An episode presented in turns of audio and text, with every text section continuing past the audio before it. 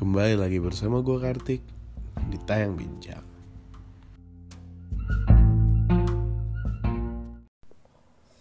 Ya gimana kabarnya semuanya? Um, Gue lama banget gak bikin podcast lagi Gak bikin Tayang Bincang lagi Karena ya seperti biasa emang gue belum bisa konsisten kayaknya ya Untuk bikin uh, podcast ini. Setelah melewati berhari-hari dua minggu sepertinya sudah lewat. Uh, berhari-hari di rumah. Karantina sosial karantina sosial social quarantine. Atau yang biasa kita sebut social distancing. Jadi ya gue berusaha terus buat enjoy di rumah. Begitu juga supaya gue berharap lu semuanya juga bisa enjoy terus di rumah dengan segala kesibukan yang ada, segala kelengangan yang ada. Um, Sebenarnya gue nggak pede untuk ngomong sendiri di sini karena berhubung temanya podcast gue ini kan judulnya juga udah sebuah tayang bincang. Tayang bincang itu bahasa Inggrisnya talk show. Harusnya gue punya tamu, tapi berhubung gue di rumah dan sekarang lagi social quarantine otomatis gue nggak bisa ketemu temen-temen gue yang um, bisa gue ajak untuk ngobrol di sini. Coba mungkin kalau misalkan selama social quarantine ini gue bisa um, bikin podcast sekali dua kali atau mungkin berkali-kali lagi. Coba kita ngobrol sama anggota keluarga apakah bisa? Yang pasti tidak bisa sambil sebatang ceria. Hmm, mungkin karena gue emang biasa keluar rumah, biasa di jalan dari rumah ke kampus, dari kampus ke rumah atau ke kantor. Itu kan semuanya jaraknya jauh dari rumah gue, biasa di keramaian. Jadi kayaknya emang social quarantine ini gue merasa, jujur gue merasa lumayan berat awalnya lumayan berat apalagi dengan berita-berita yang ada. Sekarang sudah menyentuh 1500 ya kalau nggak salah tadi. Yang positif kita berdoa supaya semuanya cepat sembuh Indonesia kembali membaik. Uh, dengan segala keadaannya kita tetap kuat untuk menjalani semua ini. Hmm, jujur awal-awal sosial quarantine awal-awal karantina ini nggak usah sosial sosial quarantine lah ya ribet hmm, awal-awalnya gue sempet kayak apa ya kayak gue ngerasa takut aja gitu. Keluar rumah takut apa takutnya sampai sekarang tetap ada rasa takut tapi sekarang udah bisa teratasi gitu kali ya. Awal-awalnya tuh gue merasa kayak wah ini kacau nih ini bahaya tapi lama-lama ya kita cuma bisa positive thinking. Dan kembali lagi ke karantina ini gue pengen ngomongin atau ngebahas tentang sebenarnya gimana enaknya ya kita selama diem di rumah begini kerjaan bukan nggak ada kerjaan banyak kerjaan tapi kan yang namanya di rumah ya passionnya itu kan rada passion apa sih bahasanya?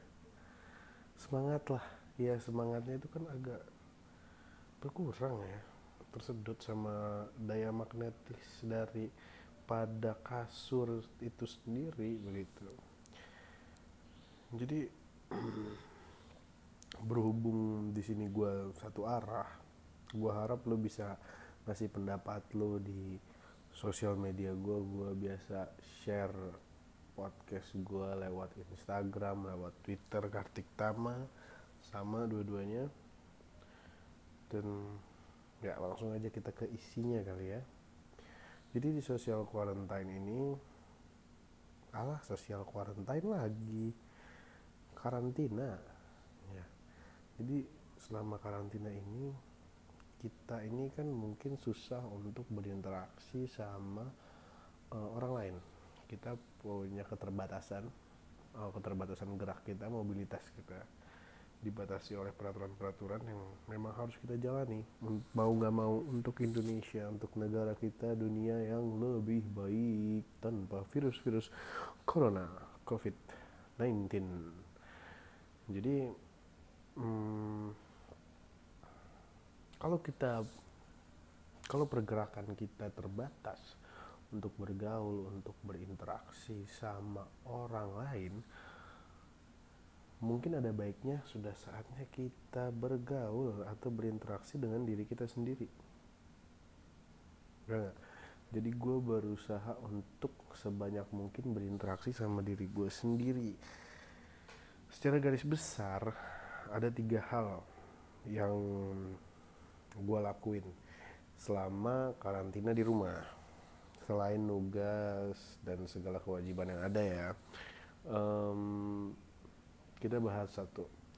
Yang pertama gue biasa melakukan hal yang selama ini susah untuk gue lakuin.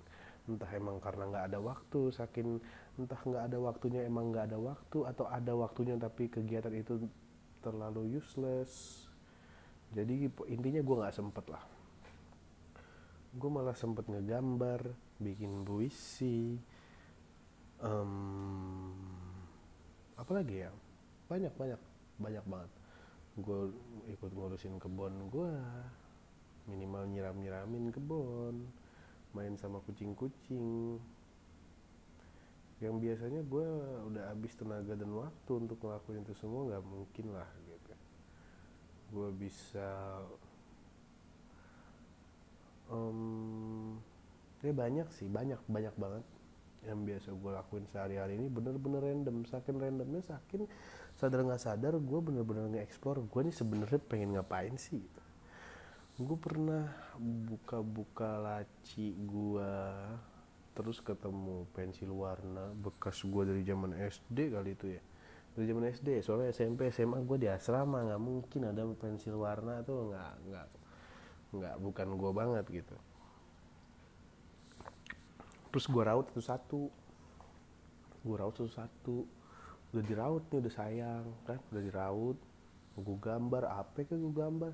Jelek sebenarnya jelek. Tapi um, seneng aja nggak tahu kenapa. Biasanya gue nggak sempet kan kayak gitu-gitu. Sekarang gue bisa menghabiskan waktu untuk yang kayak gitu-gitu lagi. Terus gue dari dulu koleksi Hot Wheels terputus lama karena gue di asrama 6 tahun.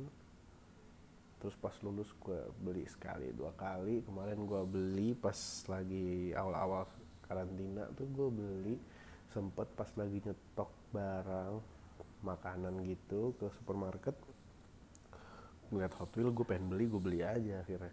Terus pas gue buka lagi lemari Hot Wheels gue uh ternyata debu-debu udah kagak kurus. Akhirnya gue menghabiskan waktu lap-lap mobil-mobilan gua. Um, gua taruh lagi dengan posisi yang lebih rapi.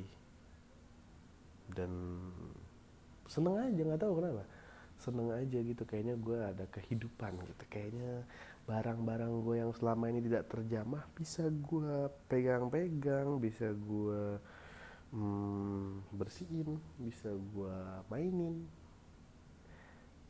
Dan ya pokoknya coba kita explore lagi apa sih yang sebenarnya ada di, di, di diri kita. Minimal di kamar kita deh gitu. Ada apa aja sih di kamar kita gitu yang selama ini nggak kepegang. Selama ini kan yang kepegang ya lemari baju lemari buku gitu gitu tapi lemari buku juga nggak kepegang-pegang amat sih kuliah ya. Setelah gue rada hobi baca juga.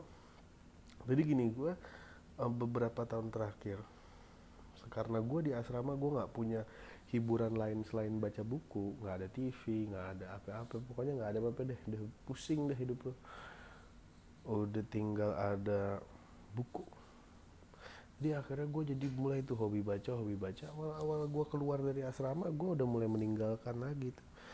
Tapi mungkin dua tahun belakangan ya. Dua tahun atau satu tahun setengah belakangan gue mulai baca buku lagi. Tapi ya dengan keadaan baca buku ya sekedar baca taruh baca taruh. Selama masa karantina ini gue rapiin bener-bener buku-buku gue gue lihat mana yang masih berceceran di lemari-lemari lain. Gue kumpulin dan ternyata ada lebih dari 100 lah buku-buku gue baik yang udah kebaca sama yang belum gue pisahin. Antara yang udah gue baca dan gue belum baca gue taruh di atas lemari. Gue mulai bisa. Nah termasuk untuk ngabisin waktu baca buku yang bukan tentang pelajaran itu berharga banget cuy. Lu harus cobain. Lu harus cobain baca buku yang keluar. Kalau bisa jangan keluar dari uh, pelajaran lu doang ini bagi yang kuliah atau sekolah atau yang kerja jangan baca yang dari bidang lu doang lu baca yang dari lain-lain. Gue kira-kira ini gak usah kira-kira ini deh. Sekarang gue lagi baca bukunya Mahatma Gandhi. Judulnya A Guide to Health. Buku tentang kesehatan menurut Mahatma Gandhi gitu.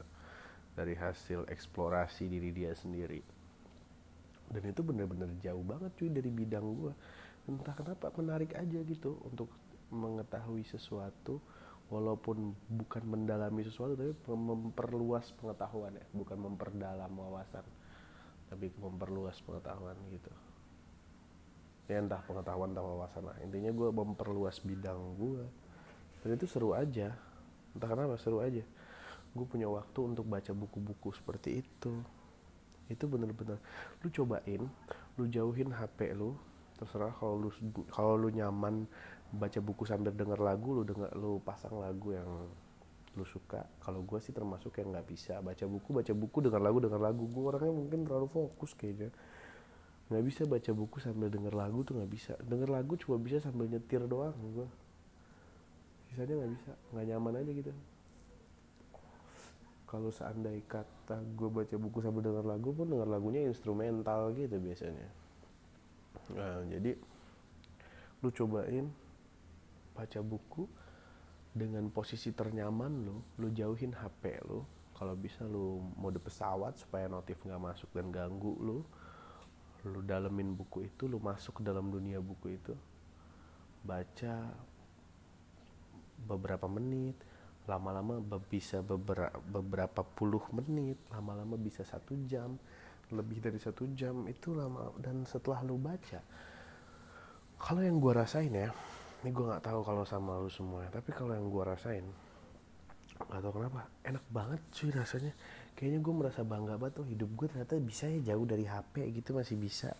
Uh, eh, gue uh, depan buku baca buku dan uh, nggak melulu gue mata gue nonton HP berat kata gitu itu ada satu kebanggaan tersendiri sih bagi gue bisa kayak gitu dan balik lagi ke tadi. Mengetahui suatu hal yang baru bahkan lu baca novel atau cerpen doang itu kayaknya kayak seru banget. Apalagi kalau lu meluangkan waktu lu. Kalau gue termasuk pembaca yang lambat gue nggak bisa membaca cepet. Bukan dalam artian membaca cepet ya karena gue tidak nyaman membaca cepet. Gue merasa uh, ketika ada kalimat per kalimat yang menyentuh atau perlu dipikirkan lagi kayaknya lebih nyaman kalau gue stop dulu sebentar. Gue pikirin dulu apa maksudnya apa uh, artinya. Yang baru lanjut ke uh, kalimat selanjutnya ke kata selanjutnya. Gue menikmati membaca itu sampai sejauh itu sih. Ya alhamdulillah dia bisa menikmati lah ibarat kata gitu. Gue yakin lo semua juga punya uh, mungkin nggak membaca buku mungkin yang lain tapi suatu aktivitas yang jauh dari sosial media yang jauh dari alat-alat elektronik yang bisa lo lakukan lagi lo bisa explore lagi siapa tahu jadi hobi baru lo setelah karantina ini gue rekomendasiin banget gitu. Yang kedua berhubung gue orangnya itu bosenan senyaman nyamannya gue di kasur tetap aja bosen lihat tembok ya kalau begitu begitu aja. Jadi gue coba membuat suasana kamar gue lebih nyaman. Atau gue coba menyentuh taman belakang gue untuk jadi tempat duduk-duduk. Itu seru sih. Selama ini lu nggak ada sempet untuk punya waktu untuk geser-geser uh, tata letak kamar lu atau lu nggak punya waktu untuk um, lihat ada spot lain sebenarnya di rumah lu yang enak bakal dipakai duduk-duduk santai gitu. Contohnya di gue ya gue taruh meja belajar gue di depan jendela jendela kamar gue tuh ngadepnya ke taman. Nggak tahu kenapa gue enak banget duduk di situ entah walaupun gue nggak main di laptop gue ngerjain tugas tapi enak banget nyaman banget rasanya. Kayak gue taruh speaker bluetooth gue di tempat yang tep yang pas gitu yang nggak terlalu jauh nggak terlalu deket. Terus viewnya itu jendela. Gue kerjain tugas. Rasanya kayak ada lebih penyemangat aja. Gue nggak tahu gue akan bosen dengan view itu dengan berapa lama. Dan gue punya waktu dan punya maksudnya punya keluangan waktu untuk um, geser-geser lagi nantinya gitu. Intinya ya gue lakuin apa yang gue mau gitu. Dan untuk melakukan apa yang lu mau tuh lu butuh waktu cuy. Ini waktunya menurut gue termasuk ya itu tadi lu eksplorasi tempat-tempat baru di sekitaran rumah lu aja berhubung lu nggak boleh keluar nongkrong sama teman-teman lu. Bukan nggak boleh disarankan untuk tidak. Ya kalau menurut gue lebih ke nggak boleh lah nggak usah dulu. Emang kenapa sih mati? Lu kan enggak santai aja jadi lu harus bisa maksudnya harus bisa. Bukan harus bisa lu um, coba untuk explore lagi tempat-tempat atau posisi-posisi enak yang ada di sekitaran lu supaya lu tetap nyaman. Karena uh, dalam situasi kayak gini bagi gue itu kuncinya satu hati lu enak. Hati lu enak hati lu bisa enak tuh dari apa? Dari rasa nyaman ibarat kata lu tinggal di istana tapi lu nggak nyaman. Ya nggak seneng hati lu tapi lu tinggal di gubuk tapi lu nyaman. Ya asik aja. Cewek lu cakep Miss Universe tapi lu nya nggak nyaman. Minder karena lu nya bau eh tetap aja nggak nyaman. Susah hidup lu. Tapi kalau misal kata cewek lu biasa-biasa aja tapi lu demen ngobrol masuk kan santai asik nyaman gitu kan tenang hidup happy. Nah di saat-saat kita terkurung seperti ini kenyamanan tuh jadi lebih lagi artinya cuy daripada yang biasa kita dapatkan di hari-hari sibuk kita gitu. Dan yang terakhir ada tiga poin ada tiga poin yang gue uh, lakuin di sini. Dan yang terakhir itu perenungan. Uh, um, kalau secara agama mungkin ada bahasa berdoa gitu ya. tapi kalau gue bukan ke arah ke sana sih gue lebih ke perenungan gitu lebih ke diem duduk diem uh, mengosongkan pikiran walaupun pikiran lu nggak bakal kosong kadang kalau nggak mengosongkan pikiran gue malah mengikuti alur pikiran gue gue malah mengikuti alur pikiran gue gue bisa inget-inget lagi masa-masa yang zaman-zaman dulu. Entah itu yang Eh, cerita-cerita uh, yang asik atau cerita-cerita yang sedih gitu. Tapi menggali diri lu itu asik cuy. Um, karena kalau menurut gue kan dalam perenungan lu bisa pergi ke mana pun tanpa terbatas ruang dan waktu. Lu bisa ketemu siapa aja yang ada di masa lalu lu atau lu mungkin bisa berhayal merencanakan sesuatu um, ya intinya kita senang-senang dalam diri kita sendiri gitu. Betul-betul yang gue cari dalam perenungan ini adalah gimana caranya gue bisa seneng tanpa sesuatu apa pun gitu. Hanya gue dan gue gitu. Dalam perenungan ini kan lu yang ngobrol dengan diri lu sendiri cerita sama diri lu sendiri curhat sama diri lu sendiri atau mungkin bisa sama Tuhan yang Maha Esa karena kan sebenarnya Tuhan itu kan bagian dari diri kita sendiri. Ya kan? Kayak nggak usah diterusin deh nanti jatuhnya ceramah. Tapi maksudnya kayak dengan dalam perenungan tuh lu bisa mendapatkan satu kebahagiaan cuy. Tanpa teori kalau menurut gua. Kalau menurut gua. Jadi kayak lu bisa memikirkan sesuatu yang lu belum sempat pikirkan selama ini hal-hal yang penting ataupun yang nggak penting perintilan-perintilan. Lo bisa merencanakan apa yang akan lo lakukan besok atau abis lo merenung itu atau mungkin setelah karantina ini. Dan lain-lain sebagainya cuy. Perenungan tuh luas maknanya cuy. Jadi gimana ya? Bagi gue sih ini uh, bermanfaat banget sih bagi hidup gue di masa-masa ini. Gue merasa gue bisa merasa sedikit demi sedikit lebih kenal sama diri sendiri cuy. Jadi kalau misalkan kita um, ya balik lagi ke tadi kalau misalkan kita dibatasi oleh hmm, peraturan-peraturan untuk nggak bisa bergaul sama orang lain mengurangi interaksi sama orang lain mungkin ini udah saatnya untuk kita berinteraksi dengan diri kita sendiri cuy karena lo harus percaya dalam diri lo tuh ada sesuatu yang lu belum tahu. Padahal itu lu gitu.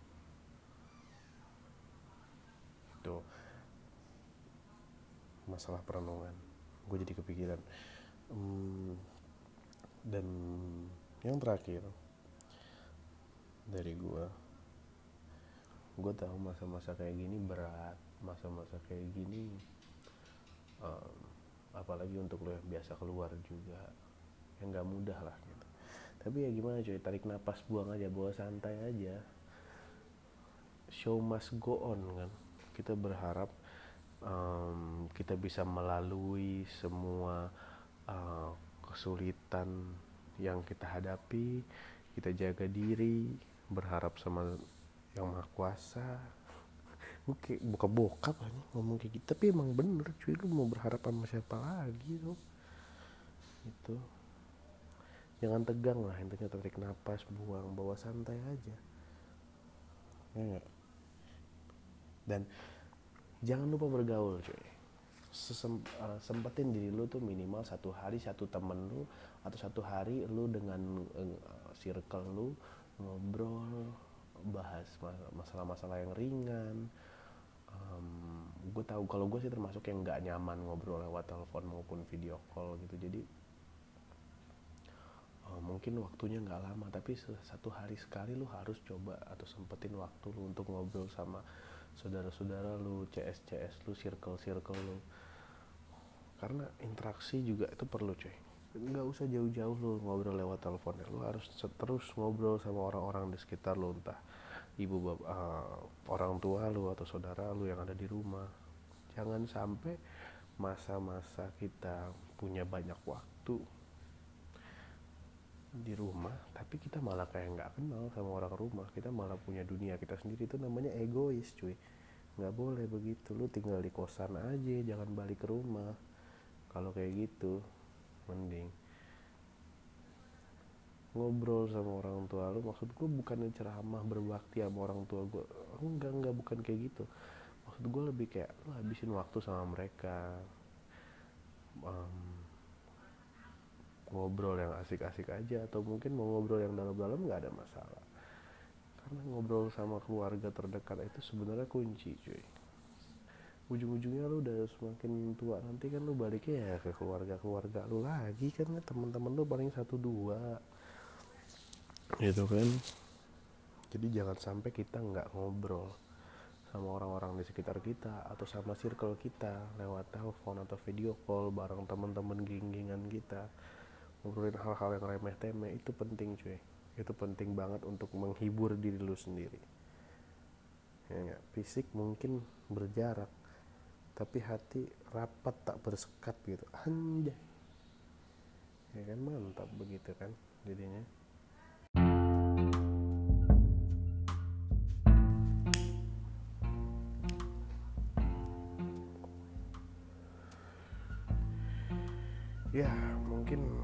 kurang lebihnya itu aja kali ya yang bisa gue obrolin. Semakin lama semakin garing kayaknya kalau gue ngobrol sendirian depan lu pada. Gue berharap gue bisa bersandai kata tidak lucu atau tidak terlalu banyak menghibur ya. Seenggaknya gue bisa mengisi atau menemani waktu lu lah begitu. Hmm, habisin diri lu buat diri lu sendiri buat orang-orang terdekat lu yang ada di rumah lu atau circle lu yang bisa lu jangkau. Habisin uh, waktu lu untuk hal-hal yang menyenangkan. Walaupun secara kasat mata tidak bermanfaat tapi sebetulnya itu memiliki manfaat untuk kesenangan hati lu sendiri cuy. Gitu. Jadi um, kalau perlu kalau perlu nih lu bikin jadwal apa yang mau lakuin hari harian atau mingguan? Atau kalau emang lu yang lebih suka random ya lu pokoknya kerjain sesuka-suka hati lu lah. Jangan lupa kerjaan yang wajib lu kerjain juga. Tapi jangan sampai karantina gini bikin lu bego. Agak gerak agak produktif jangan juga. Ya intinya sekian yang bincang edisi ngomong sendiri hari ini gue berharap lu semua sehat bahagia selalu. Terima kasih buat teman-teman semuanya yang udah ngucapin udah doain gue ulang tahun kemarin. Gue sangat menghargai itu. Dan uh, sehat selalu kita berdoa untuk bangsa kita untuk dunia kita semoga makin mantap makin kuat. Itu aja terima kasih. Sampai jumpa. Bye